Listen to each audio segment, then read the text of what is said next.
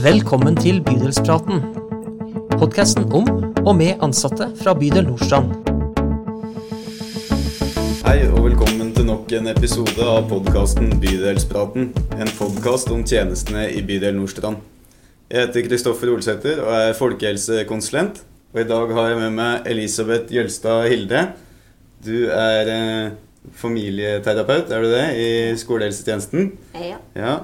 Eh, I dag har jeg invitert deg, Elisabeth, for å snakke om et av tjenestetilbudene våre som eh, har et litt morsomt eh, navn.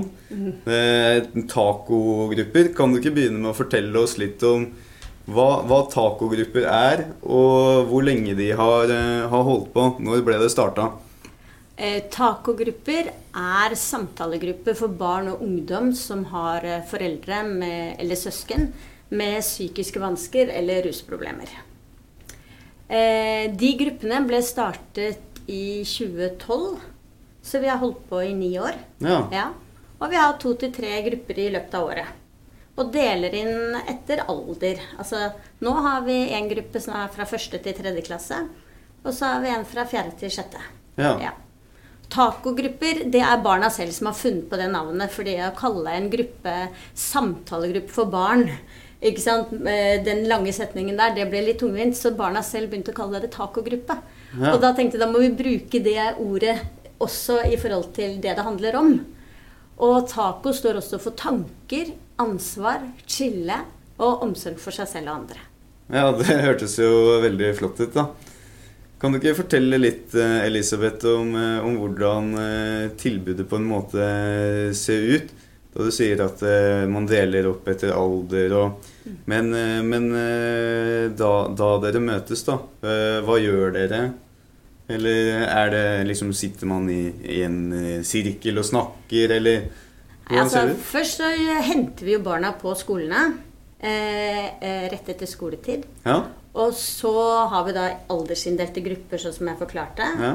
Og så møtes vi på torsdager ti ukentlige samlinger. Og da starter vi med å spise taco. Og det er jo alltid stas. De, fleste, de aller fleste barn liker taco. Jeg tror alle liker taco. Ja, nesten i hvert fall. Ja. Eh, og så eh, har vi en eh, lek eller konkurranse når vi er ferdig med å spise. Og så har vi tema. Og det går jo på dette med hvordan er det å være barn når en av de voksne eller søsken strever. Ja. Ja. Og eh, dette med å lære om følelser, hvorfor vi har følelser, og hvorfor alle følelser er viktig. Ja. Og vi også forteller de at Prøver å gi dem informasjon, fordi mange barn lurer på om de blir smitta av tankesykdom. Og det Ja. er jo på en måte at vi må skille litt mellom korona og hodelus, ikke sant, som Ja. smitter veldig. Og så at tankesykdom da ikke smitter, at barna får lære det. ja. Og at de ikke har ansvar for at foreldrene er syke, eller kan hjelpe foreldrene til å bli friske. Mm. Det er jo viktig, fordi mange av de tror jo at de kan det. ja. Ja. Jeg visste jo veldig lite om uh, psykisk helse selv når jeg var barn. Så det gir jo uh, mye mening da du forteller det at man kanskje må liksom også snakke litt om, om hva det er, da. Og på en måte uh, kanskje avkrefte noen myter, som du sier, at det ikke er, er smittsomt. Og, men det hjelper kanskje også litt for disse barna å, å se at andre også har, eh, er i litt lignende situasjon. da. At man kanskje ikke føler at man er, er så ensom at det blir et sånt, eh, litt sånn eh, samhold i disse gruppene. Mm. Og du sier at det er, er ti uker, da. At det liksom ett et sånn tacoløp da, Ja. er, er ti uker, da. Men er det noen av, av disse barna som på en måte møtes igjen etterpå? Eh, ja. Fordi mange barn syns det er skummelt å begynne i grupper. Men når de først har begynt, så har jo mange av de ikke lyst til å slutte. Og da har vi vært veldig heldige og fått eh, midler fra PIO-senteret, Sparebankstiftelsen, Statsforvalteren, som gjør at vi kan bruke de midlene til å lage litt gylne øyeblikk da, for barna når de har gått i tacogruppe tidligere. Så blir de invitert en lørdag til at vi drar i skogen, eller vi drar på trampolineparken og Megazone, og gjør på en måte sånn noe i litt ja? Noe var i sommerferien, noe blir i høstferien. At vi skaper litt ekstra da, med de mulighetene vi har der. Ja, Og det gjør jo også at vi holder kontakten over lengre tid. ja. Mm. ja det hørtes jo ut som, eh, som veldig kule aktiviteter, det, da. Vi prøver, da. ja. Nei, men eh, hvis eh, liksom eh, noen av disse barna da har eh, behov for på en måte å, å snakke mer da etter disse ti, ti samlingene, er det noe dere som administrerer tacogruppene følger opp, eller? Ja, det gjør vi. Fordi jeg er jo leder i takogruppa, og så er det en som heter Gunhild Årskog Lauritzen, som er psykiatrisk sykepleier. Hun er også med som eh, leder sammen med meg.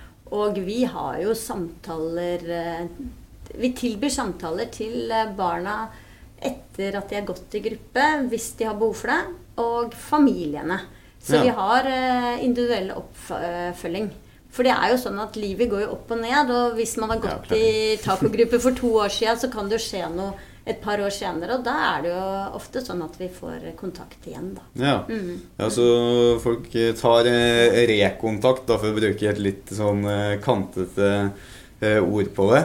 Ja, og så er det jo litt fordi at vi har jo bygd opp en form for tillit, håper vi, da. Og at vi da kan, kan være tilgjengelige når det er behov. Ja. Ja. Men så har vi et veldig godt samarbeid med altså Helsesykepleierne på skolen er jo de som Ja. rekrutterer barn.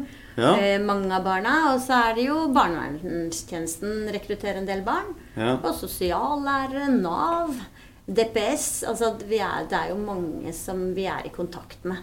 ja. Mm.